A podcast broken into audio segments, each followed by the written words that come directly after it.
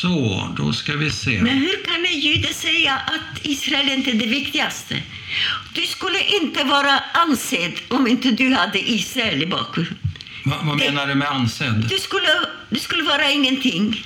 Men jag betraktar mig som svensk i första hand, inte, Okej, inte, ja men då så. Då har vi inte alls inte, samma... inte Israel. Ja, nej, jag är inte Israel, men jude. Ja, jag betraktar Ja. mig... Okej, då sa jag fel. Då sa jag fel. Jag betraktar mig som svensk jude i första hand. Okej. Och du? Är bara som jude, Ja. inte svensk. Nej, men där är skillnaden. Ja. Och för mig i Israel, det är sån garanti Ja. att jag kan ha självförtroende, att jag kan vara stolt. Det är Israel för mig. Okej. Ja, tur att du inte... Det var alltså inte mig du slog, utan det var ditt knä. Det- är bäst att förklara det för lyssnaren. Nu, nu, nu har redan samtalet börjat, det tycker jag är underbart. Men jag ska komma med min introduktion i alla fall, som jag hade tänkt börja med. Är det okej? Välkommen till Överlevarna, en podd om människorna som överlevde Förintelsen. Jag heter Bernt Hermele och idag ska du få träffa Franziska Levi. Tack för att vi fick komma och hälsa på dig hemma i din lägenhet utanför Stockholm. Och första frågan till dig är ju att du Du- heter ju Mimmi. Förlåt. Ja? Jag vill inte att du talar om min adress. Nej. Franziska Levi. Jag fick hälsa på Franziska Ja, Levi. vi tar bort... eh, Ingenting, ja. Då tar vi det igen.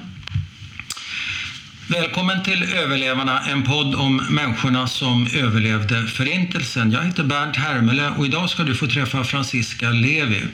Tack för att vi fick komma och hälsa på dig hemma i din lägenhet. Och min första fråga. Ditt smeknamn är ju Mimmi. Hur fick du det? Ja, det är en väldigt intressant historia. Vi var nio barn.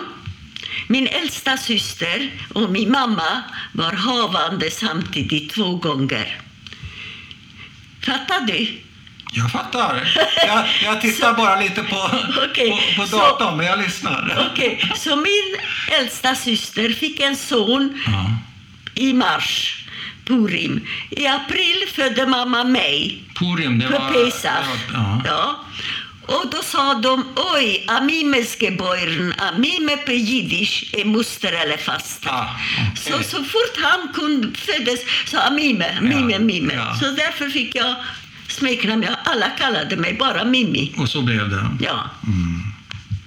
Och innan du får berätta din historia så har jag en annan fråga. Hur blev ditt liv, tycker du? Ja, jag kan inte säga mycket för jag vet inte hur mitt liv skulle bli om inte Holocaust hade funnits. Förintelsen? Ja, förintelsen. Jag menar, men eh, med de premisserna så har jag fått ett rätt bra liv. Jag har i alla fall två söner, jag har sex barnbarn. Det, det, då får jag vara väldigt glad. Mm, några barnbarnsbarn? Jag har ett barnbarnsbarn och ett kommer när som helst Ja. i dagarna. Okej. Ja, Det kanske kommer ringa här medan vi pratar. det är möjligt. Vad vet man? Eh, vill du berätta din historia? Ja, den är rätt så lång om jag ska berätta. Har du tid med det? Varsågod, det är därför, det är därför vi är här. Ja, okej. Alltså jag är född 1928 i Tjeckoslovakien. Den delen tillhörde kejsarriket Österrike-Ungern. Så mina föräldrar, de pratade ungerska. De, när, jag vet inte när exakt Österrikes-ungerska eh, bröt ihop, då fick den delen tjeckerna. Men 39, när Hitler kom till makten, då gav han den delen till ungrarna för de var mer antisemitiska än vad tjeckerna var. Och då var det förbjudet att tala ungers eller tjeckiska, så jag har glömt tjeckiskan och fick gå i ungerskola. Ja, då började våra bekymmer. Det första bekymret där man märkte något, det var 39 redan, att huset mitt emot där jag bodde, nästa morgon var det tomt. Då visste vi inte var de där människorna var någonstans. Det fick vi reda på sen. Det visade sig att de grannarna de var inte födda, bodde där när det var Österrike-Ungern. Så de hade inte ungerska papper som mina föräldrar kunde visa upp. Mm. Så de bara togs och man visste inte var. Vi fick höra sen att de bara ställdes på gränsen och sköts där. Var det polacker eller? De hade väl polska, ja troligtvis, östjudar. Ja. Och mina föräldrar de tog fram koppar med Frans Josef och de tog fram ungerska grejer för att visa att de är ungrare. Mm. Jävla ungrarna. ja. Så började våra bekymmer. Varje dag hände något nytt. Basunerades ut på torget, tog bort telefoner, tog bort affärerna. Vi fick inte göra det, vi fick inte göra det. Så det blev sämre och sämre. När det här hände då blev min pappa lite orolig. Mina syskon de var ju mycket äldre, så de bodde i Budapest och jobbade. och Det blev väldigt fattigt eftersom vi hade ingen affär och ingenting. Så de skickade pengar hem till pappa. Mm. Va, Så- Vad hade din pappa jobbat med? Då han var, vad heter det. De hade skogar och träd. Okej, avverkning. Trävaror, ja, just det. Ja, ja, Mm. ja, okej. Och morfar var storbonde, så vi var försedda med mat tack vare det. Så då var min pappa lite orolig. Då var bara jag hemma och en syster som var ett år äldre.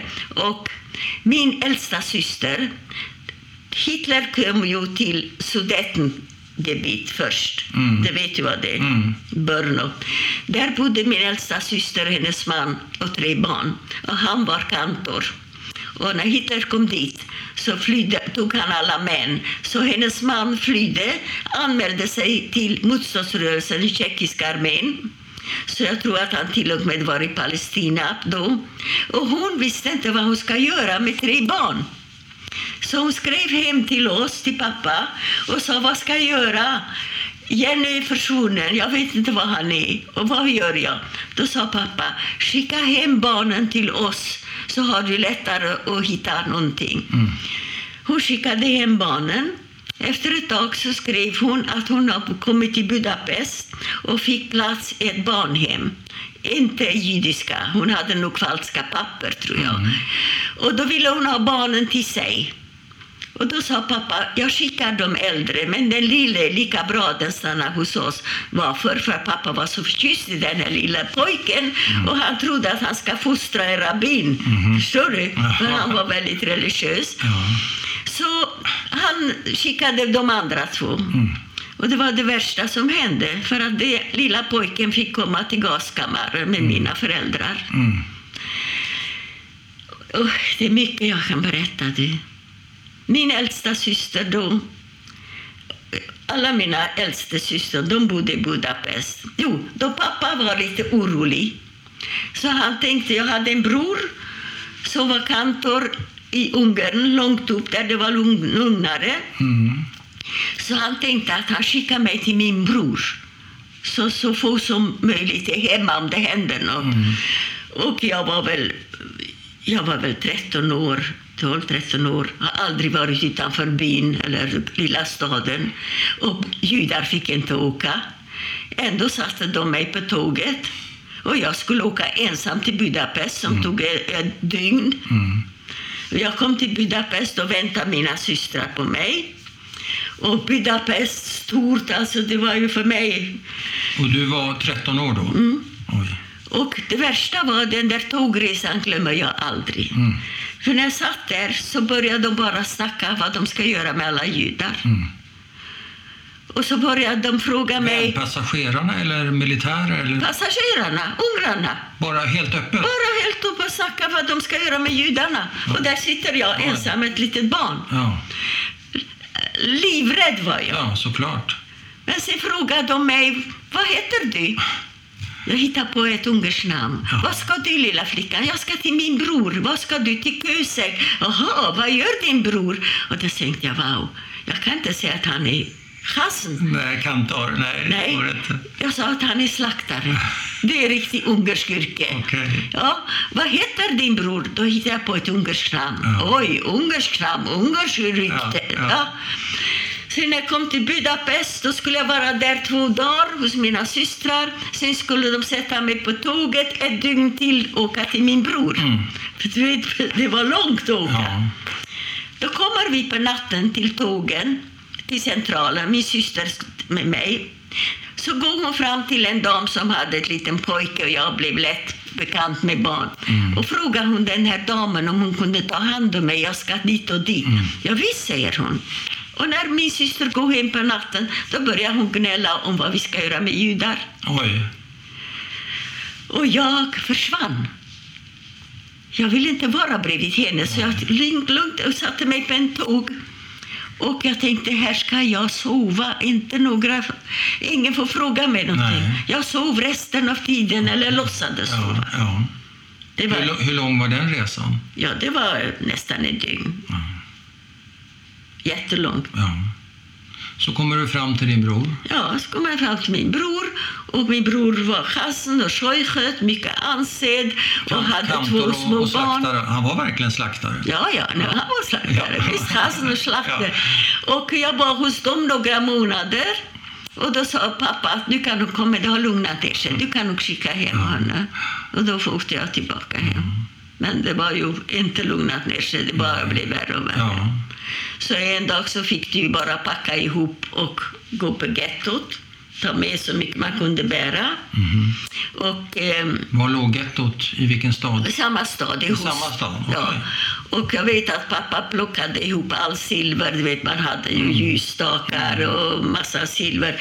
Plockade ihop och begravde och vi, för att visa mig. Mm. För jag var den enda som kunde berätta var det ligger i så Mm. fall. Och jag vet att min äldsta syster som jag mötte 56 i Israel, hon sa att hon åkte hem. Det fanns ingenting i graven. Nej. Allt var borta. Ja. Grannarna. Såklart. Grannarna. ja. Ah. Hur stort var gettot? Gettot var i samma stad vi Och var hur väl stort, kanske... vet du? Va? Hur många kan det ha varit? Oj, många. För från, från andra byar blev också komna till samma gettot. Och där var vi kanske två månader, jag vet inte. Bodde var- fem, sex eh, familjer i samma lägenhet. Så det var, och sen en dag kom de och bara tog oss igen. Men fanns det ett ögonblick, fanns det mat, fanns det dricka, Ja, fanns det vi, toaletter? vi fick ju, ja, det- vi, hans, vi hade med oss massor och det var ju en, för, en församling som såg till Okej. att vi hade lite. Ja, Men i alla fall så kom de en dag och skulle vi packa ihop igen och körde oss till tågen. mm, Och där packade de ihop oss mm. Till Auschwitz. De här tågen, det var väl 70 personer i samma vagn. Där gjordes allting och det var mörkt och vi visste inte var vi var Nej. förrän det öppnades. Vad tänkte du under den resan? Ja, ja, det var hemskt. Ja, ja, ja, det luktade, det kräktes. Pappa bara var smalare och låg sämre ut. Och, ja, det var hemskt. Det var hemskt. Och sen en dag öppnas bara de här tågen. Och då var på kvällen och då stod SS-män med sina schäfrar och fångar i, i de här kläderna som hjälpte ner oss för det tåget. Och då s- så, sa de, säg du är äldre viskade de till oss. Det enda. Säg att du äldre. Ja, och så kom de och då, så, så, då stod ju Mengele och alla de här och sa barn och gamla åt ett håll och andra åt annat håll och sjuka. Ja, sen dess har vi inte sett våra föräldrar. Vi grät och vi skrek och ja, de ska jobba på ett annat ställe, ni kommer att se dem. Men vi har aldrig sett dem. Mm. Ja, resten vet du väl nästan. Du Ja, har väl läst historien. Men berätta gärna. Ja, det, det var ju... Om, om det är okej, alltså om du orkar. Jag orkar.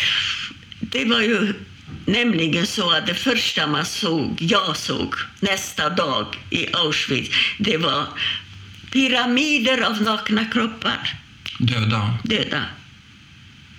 Kan Ja. du föreställa dig? Nej. Som en 16-årig flicka, det första hon ser. Och då sa några, det tjeckiska lägret Okej. som de har förintat. Mm. Och sen så fick vi ju sån här soppa på morgonen, fick i kö för att stå en soppa. Och den soppan... Ja, ja, först kom vi ju till ett sånt där ställe där man skulle klä av allting. Mm. Och som tur var så fick vi riktig dusch medan de bredvid fick gas i duschen. Det visste inte vi. Nej. Man bara hörde lite skrik och så var borta. När vi kom ut från den här duschen då skulle vi plocka någon klänning som kunde dras på, för våra saker tog de bort. Allt. Rakade av håret överallt.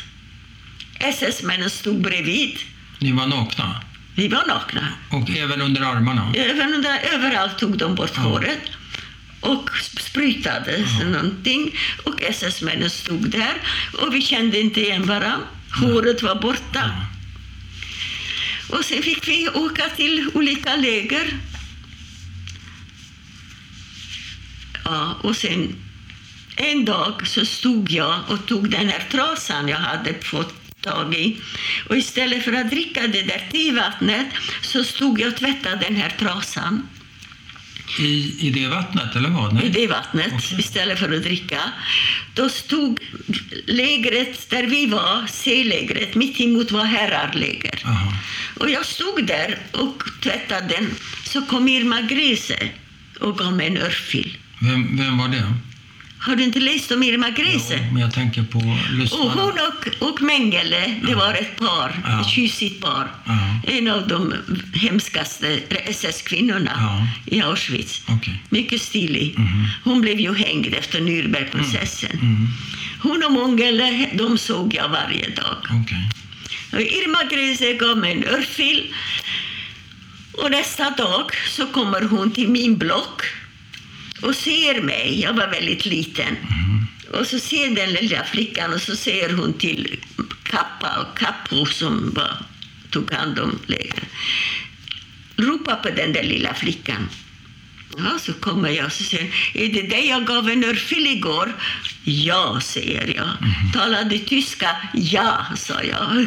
Det var jiddisch, men jag sa Ja, ja. ja. För min bror var gift med en kvinna från Berlin, så Ja. jag hör tyska. Ja. Så säger hon till mig, kom till stugan, för vid varje läger var en stuga där SS-männen satt med sina hundar. Mm. Kom på eftermiddagen till stugan där. Jag var livrädd. Jag var livrädd. Men jag gick. Vad skulle jag göra?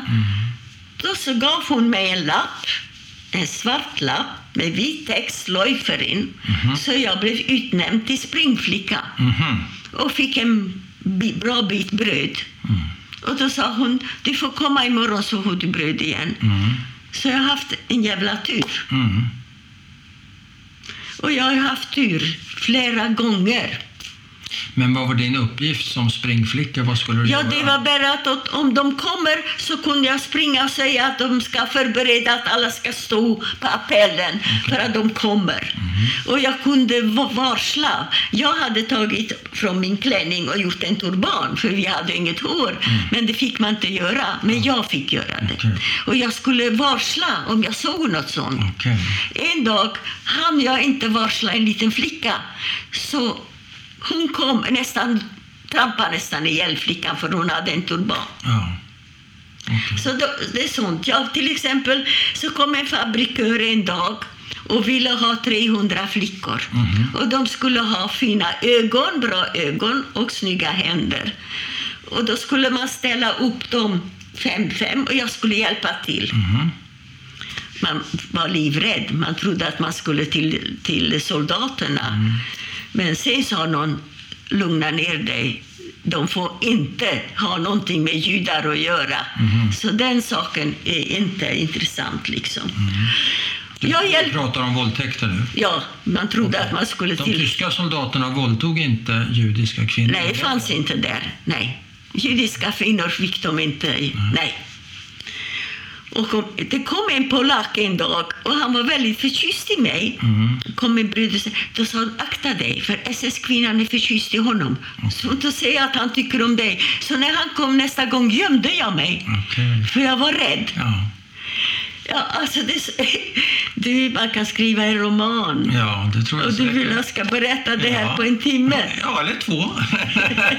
Nej, Men du berättar, du, de här 300 flickorna då med de ja, fina okej, ögonen. då vad- ställde vad jag upp hände? 300 flickor. Ja. Min syster, som var två år yngre, hon var i ett annat block. Ja. Den syster som var två år Vad hette äldre, din syster? Mm, Eva, hon är här i Sverige. Min syster som var två år äldre, hon var sjuk. Mm. Så varje gång vi skulle stå i timmar och vänta vem som ska leva och vem som ska dö, då nöp jag henne i kinderna så att hon skulle se, inte se så blek ut. Men en dag klarade hon det inte. Hon hade med, hon orkade inte stå, så hon kom på sjukan. Och eh, då när jag hjälpte till med de här att lägga, eh, ja, de här fem i rad, då säger den här fabrikören till SS-mannen de, de, de, de ska jag ha och hon ska med, Mm. pekar han på mig. Okej. Och jag säger nej, nej, jag kan inte med, sa. Jag kan inte åka med. Jag har en syster som är sjuk. Jag har en syster som är... Du, du ska härifrån. Du får det bättre. Du ska härifrån. Säg till SS-mannen, jag ska med. Jag kunde inte ens gå tillbaka till Eva och säga att jag försvinner. Mm. Det var bara att gå. Mm. Och där fick vi ju vänta länge innan publikören såg till att vi kom iväg på nästa läger. Alltså. Och när jag grät så sa SS-mannen till mig, du kom ikväll till stugan. Det var ju sån här eh, elektrisk tråd mellan det. Så man var ju livrädd för det drog till dig och så dör du.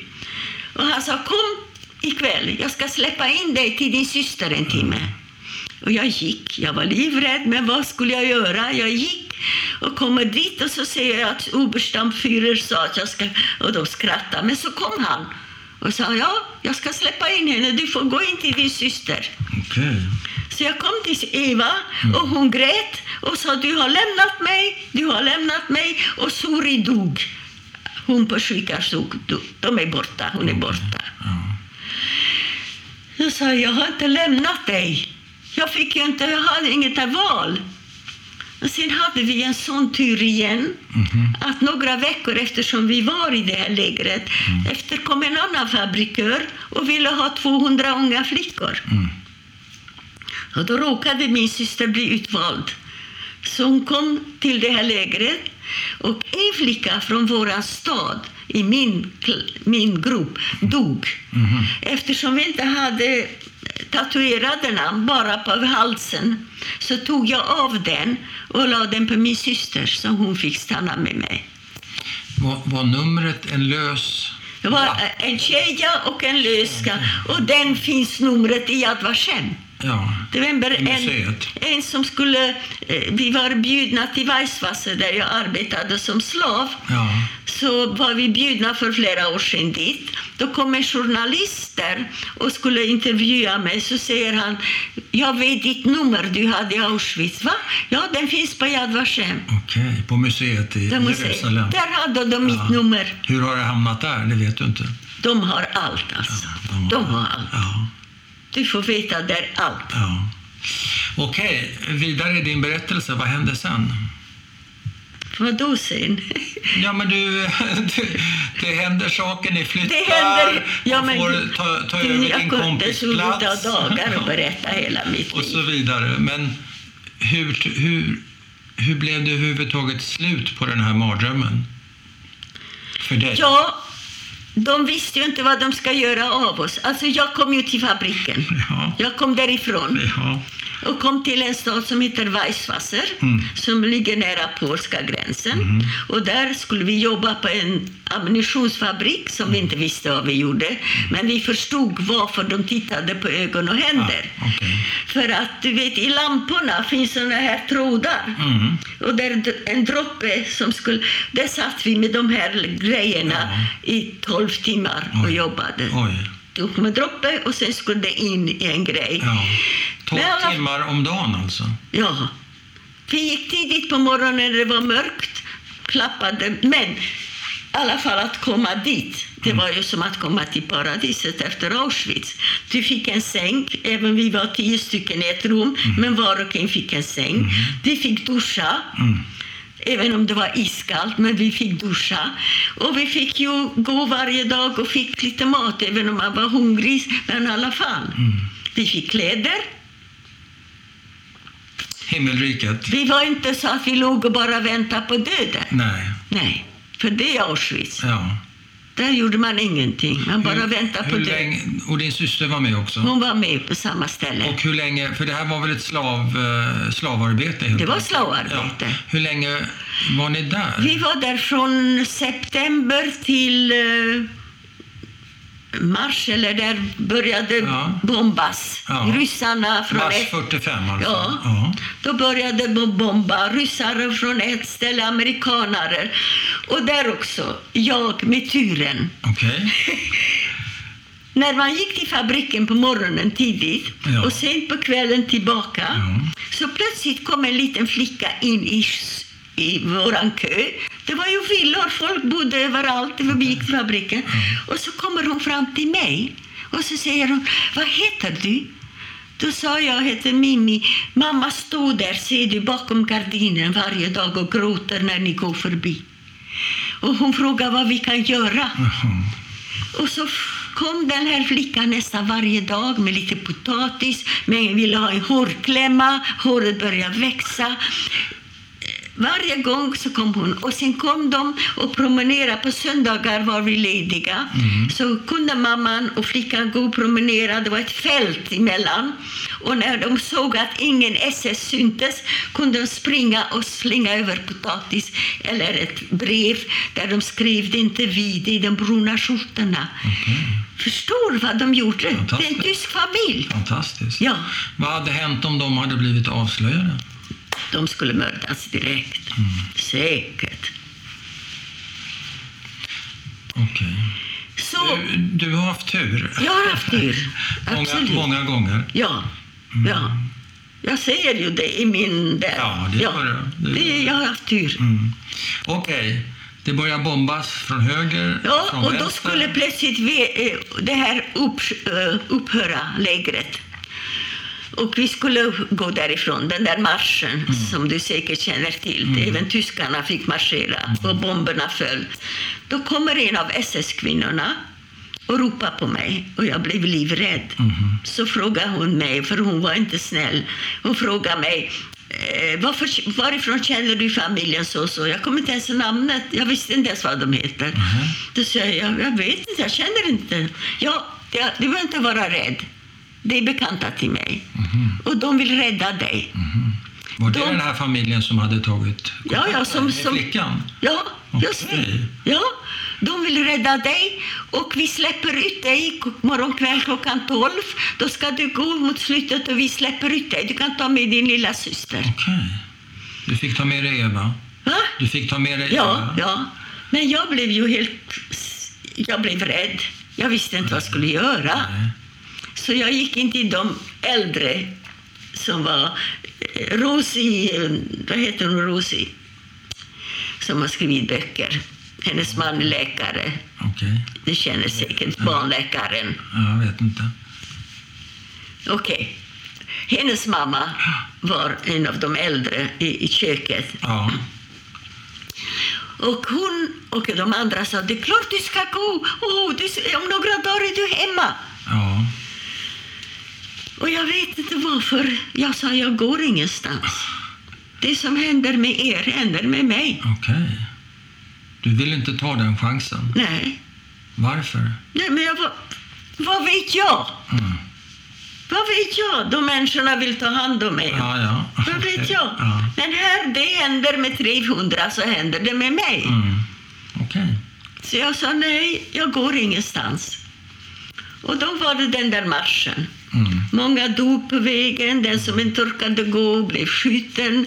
Vi var på en fabrik, på en annan fabrik. De visste inte vad de skulle göra av oss. En dag så var vi ut från vagnarna, ut i skogen. Då sa vi, nu blir vi skjutna. Mm.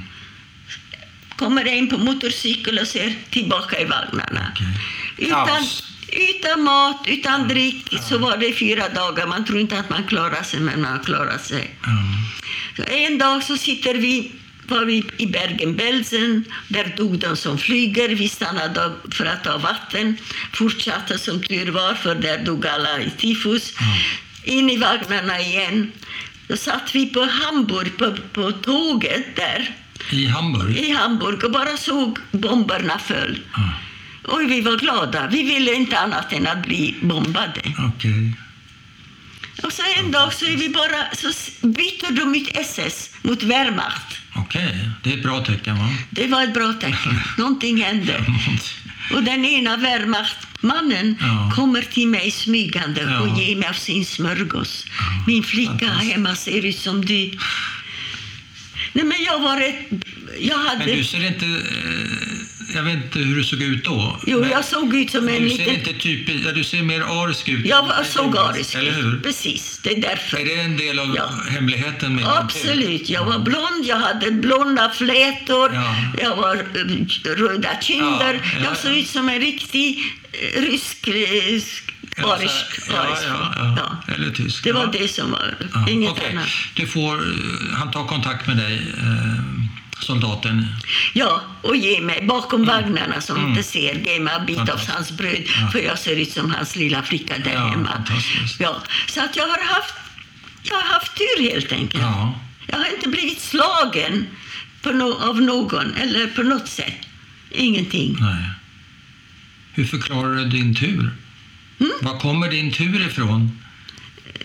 Det har han där uppe. Aha, Gud. Gud, Okej. jag vet inte. Hur upplevde du krigsslutet då? För vi är väl rätt så nära eh, krigsslutet. Eller är det någonting vi missar om vi hoppar fram till det? Ja, vi kom ju till... Plötsligt säger de att ni får kriget är slut, ni får gå ut en stund. Då var vi i Padborg i, i Danmark, plötsligt. i samma vagnar. Danmark? Ja, i samma vagnar Ja. sitter Wehrmacht och säger det är snart slut, vi kan gå ut en stund. Då sprang alla till husen och bad om, om mat. Ja, Men jag gjorde det inte. inte? Nej, jag har ju inte Varför? varit så uthungrad som de andra. Jag har ju haft tur. Mm. Och så fick man sitta igen i Hur vagnen. togs, hur togs de emot av danskarna? Vet du det? De som tiggde mat? det värsta var att de, många orkade inte med den maten de tog, så många dog. De blev dåliga? Ja, magen orkade inte. Men sen så fick vi kom Röda korssystrar. Vi fick ställa oss i kö Ja. och fick gröt och sånt där. Och många gick i kö flera gånger också. ja. Och sen när vi kom plötsligt så skulle vi till ett annat tåg och fortsätta till Sverige. Och så kom vi då till Var det Sverige. i Röda Korsets regi? Det? Ja, i Röda Korset. till Helsingborg Och det var ju danska soldater som var, eh, eh, vad heter det, mot, hjälpte till. ja. Motståndsrörelsen. Jag ja. vet så kom en soldat som blev så förtjust. Jag har bild på honom. Jaha. Med, med, och var så förtjust i mig och frågade vad jag vill ha. Han kom med choklad, han kom med en bild på sig själv och sin adress. Jag har aldrig skrivit till honom. och så kom man till Landskrona och så fick man klä av sig allting och duscha. kom, var Landskrona det första stället man Ja, kom till? mm. Inte Helsingborg? Det kommer jag inte ihåg. det är Vi nära. visste inte var Nej, vi nej, var. nej. Men Den- ni kommer fram till Landskrona? Ja, ja, och så fick man gå in och fick av alla lys, avlysas och, och fick eh, rena kläder och så Ja. fick vi uh, inackorderat i någon flickskola. Ja.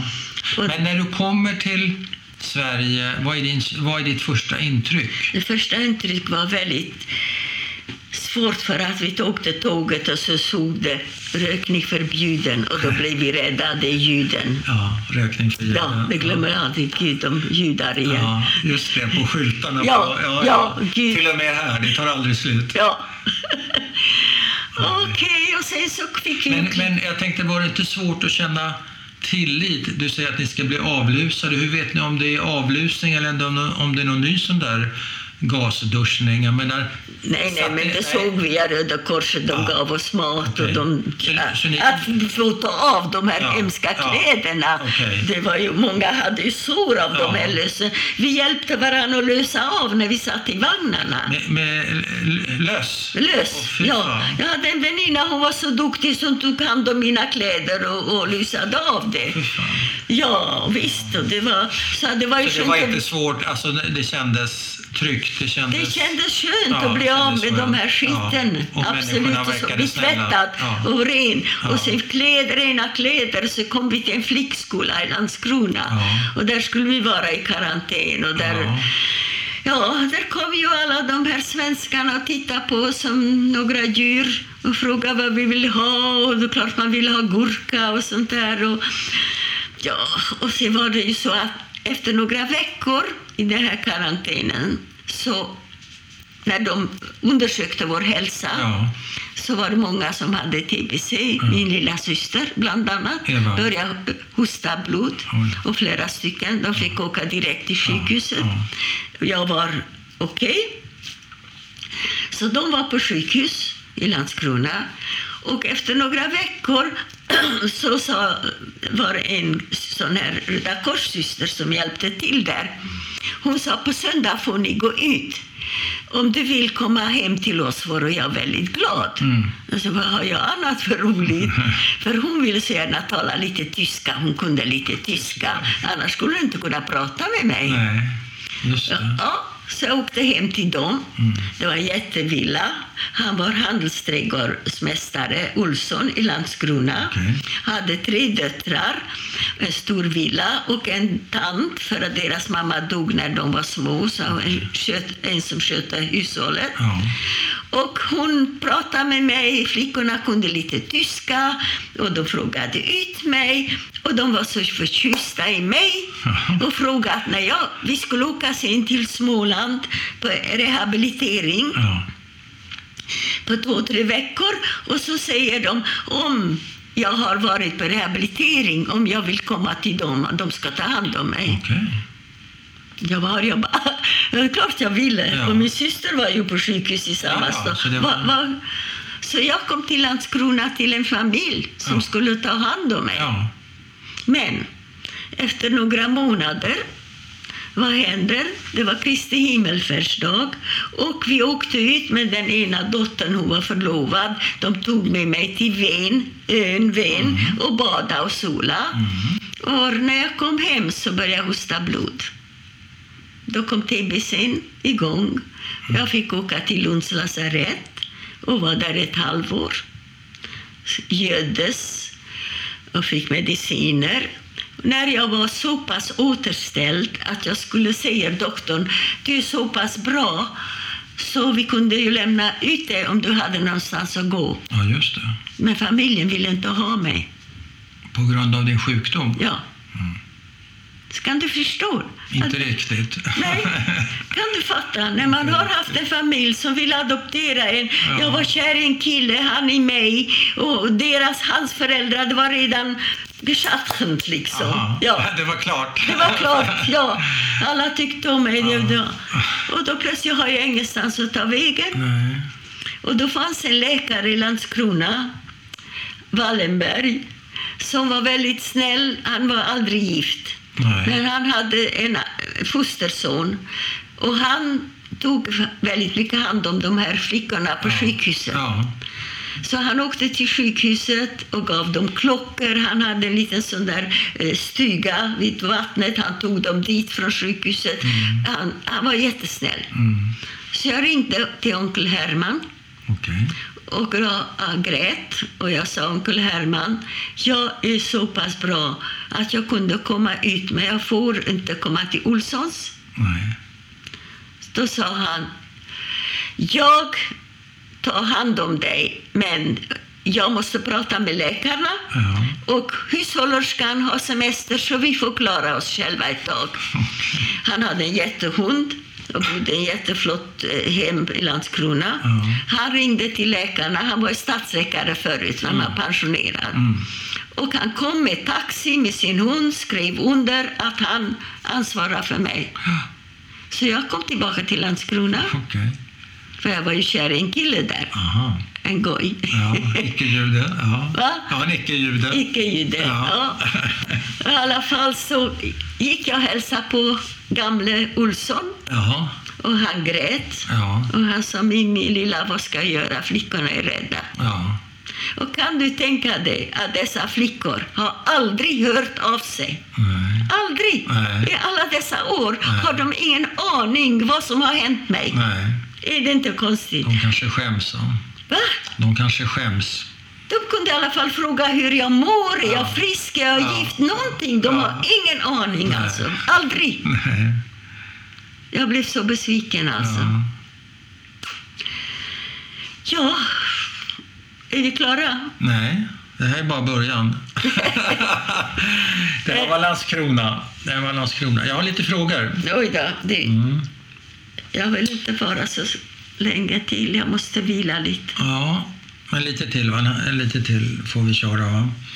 Eh, hade du någon framtidstro när du, när du var i lägret? Gick du att ha Nej, det? nej, absolut inte. Vad var känslan? Vad, vad var Det den var- dominerande känslan? Att man dör en dag, ingenting. Vi satt och pratade, vi skojade, vi Ja. berättade vitsar, vi pratade om mat. Men att vi skulle... mm, Nej.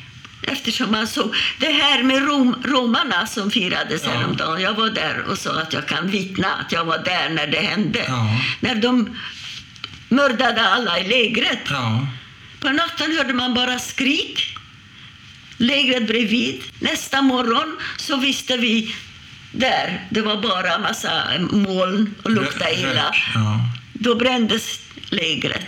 Så vad hade man för tro? Man trodde inte annat än att man också hamnade. Ja. Men vakterna, vad var det för ena? Var det monster eller var det vem, som vem som helst? Vilk, du menar i, I i, lägret? jag har, som hade hand om blocken? Ja. Ja, nej, men jag, jag tyckte våra äldres... Jag har hört många som sa att de var hemska, deras blockeldtester, Ja. en del. Men jag har inte mött mina blockeldtester där jag var, var trevliga. Ja, vad trevligt. Ja. Men det fanns, det fanns många som am- samarbetade med tyskarna. Ja. Trodde att de skulle räddas. Ja, men jag tänkte på tyskarna, de tyska vakterna, eh, de runt Mengele och de andra. Ja, men Mengele, Ja. Mengele var man jätterädd för. Ja. Men ser du på dem som monster eller som vilka som helst? Som monster. Mm. Absolut. Hur kan man bara gå och titta varje dag och plocka ut en människa Ja. som ser lite blek ut? Eller? Menar, det, det, det är inget normalt. Nej, är inte normalt. Nej. Och Irma Grese som kan trampa ihjäl en flicka för hon har en, en liten turban på. Hur kan man säga? Va? Det är inga normala människor. Eh,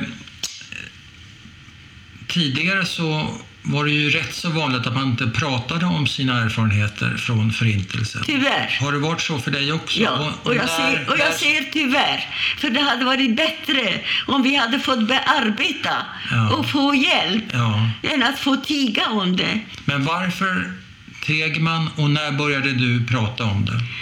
Man teg för att ingen som ville att man skulle prata.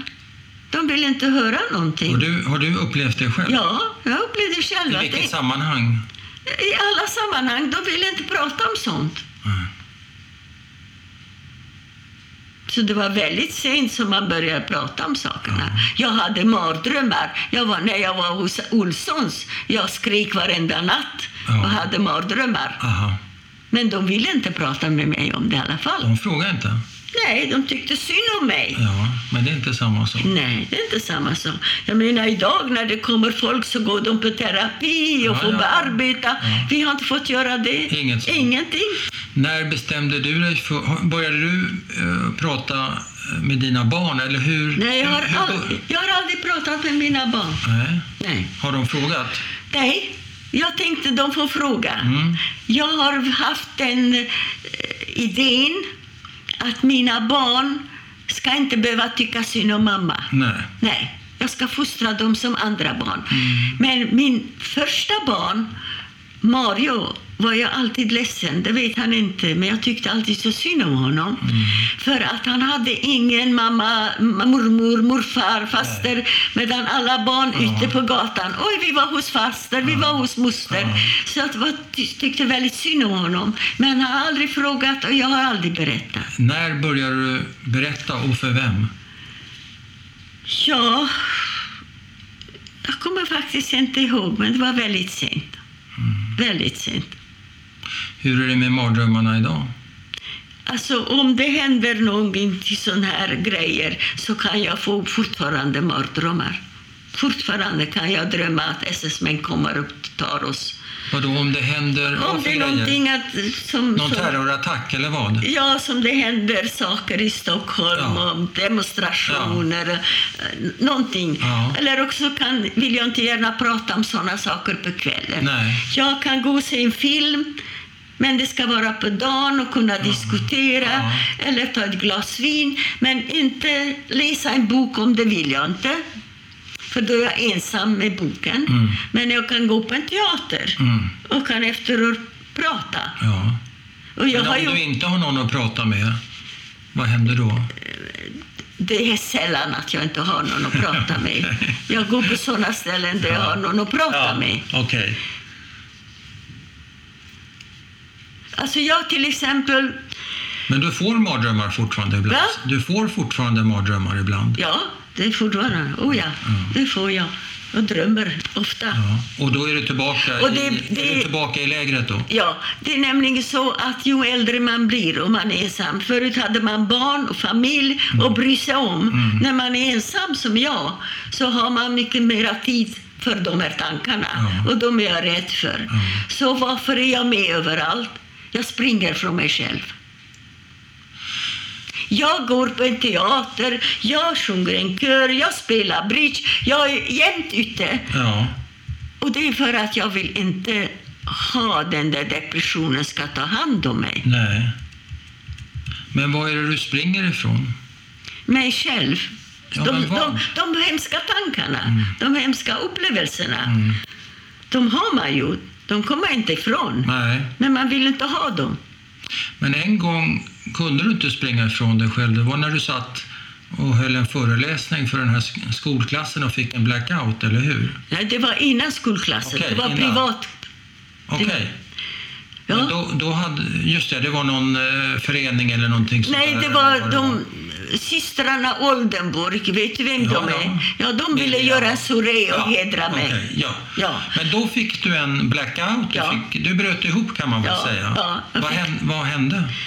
Alltså jag satt där och berättade, mina barn och barnbarn och alla vänner och deras vänner, de var inbjudna. Ja.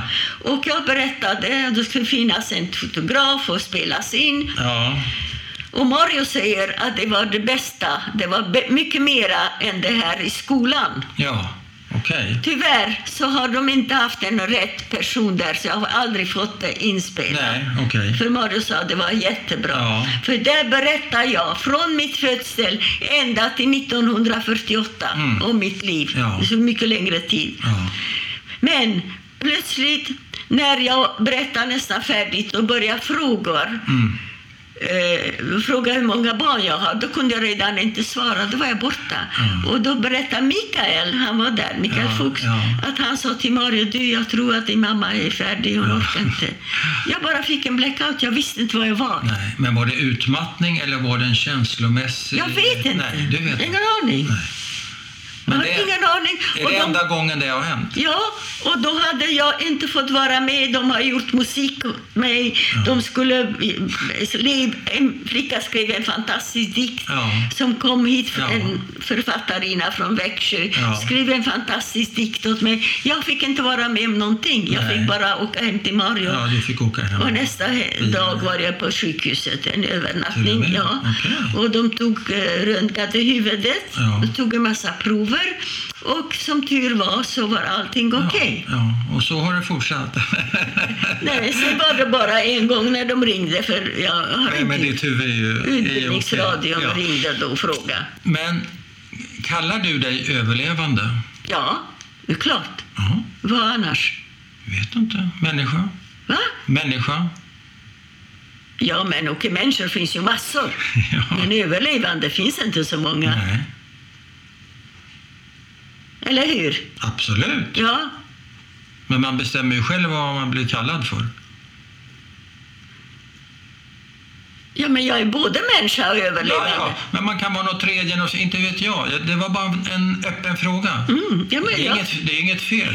nej, nej, nej, nej, jag Det vet att det är inget fel. Det är fel att, att jag fick vara en överlevande. Ja, det var att du blev en överlevare. Det är det fel. var fel. Det är riktigt. Absolut. Nej, jag var bara nyfiken. Ja. För det är inte alla som kanske har det som sin första identitet. En del har det. Det var det vi pratade om, svensk judinna. Okej, nej, jag är en överlevande Ja. och jag är en judinna. Ja, ja. Vi kommer tillbaka till det, det vi börjar med. Skulle du säga att du är en person som känner livsglädje idag? Nej. Det Du verkar väldigt aktiv, men du verkar väldigt glad, du verkar väldigt med. Mm, Du men, verkar väldigt på, du verkar ifrågasättande, Ja, du ja. verkar intresserad. ja, ja, Men det inte- är jag. Men alltså, situationen i världen gör ju att man inte blir så glad. Okej. Men det är, Ja. beror det på nuläget eller beror det på dina erfarenheter? Eller en blandning? Nej, på nuläget. Aha. Absolut. Nuläget gör att jag blir väldigt ledsen och, och trodde aldrig att jag skulle få uppleva det här, Nej. antisemitismen. Nej. Och att mina barn, barnbarn, vad vet jag, Ja. för deras skull. Ja. Jag, menar, jag är så pass gammal, men jag tänker på dem. Men är du orolig? Jag är orolig, ja. För vad? För att det händer igen. Här i Sverige? Här i Sverige. Absolut. Mm. Det, det gör mig väldigt ledsen.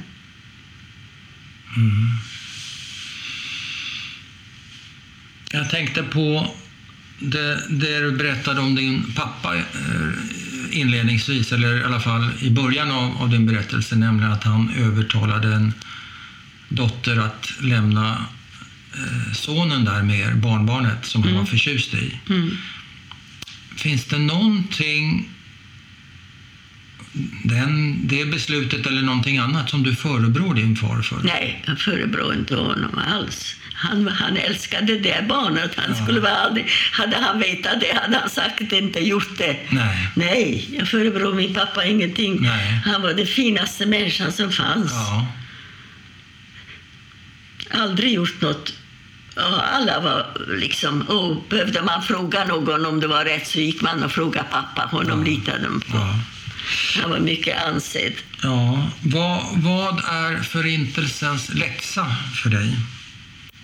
Läxa, vad menar du? Man kan, vad finns det att lära av för, Förintelsen? Finns det något att lära av Förintelsen? Ja, absolut. Det finns att Ja. lära att man inte får tiga. Att man får, då är det som att acceptera. Ja, Det gäller att, att skrika högt. mm. det gör ju du. Jag gör det. Mm. Jag gör det. Det är läxan.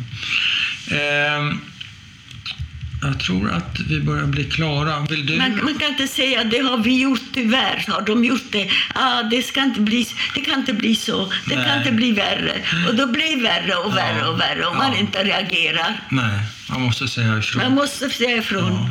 Jag brukar läsa upp en, en liten rad från Elie Wiesel, du vet. Mm. Han är född samma år som jag. ja, Jag kommer från mina trakter. ja, Sigget kommer väl han ifrån? Ja, det är med gränsen. Krokarna, ja. Mm, det är Rumänien. det går så här, det här är på engelska, men det, det är inga, den är enkel. Jag har Ta- träffat honom när han var här. Har du? Ja, Ja, ja. Var det en fin? ja, ja. person, ja. ja. Så här går den. Time does not heal all wounds. There are those that remain painfully open. Tiden leker inte alla sår. Det Nej. finns de som förblir eh, smärtsamt Ja. öppna. Ja. Håller du med? ja absolut. Det är en jättefin människa. Mm.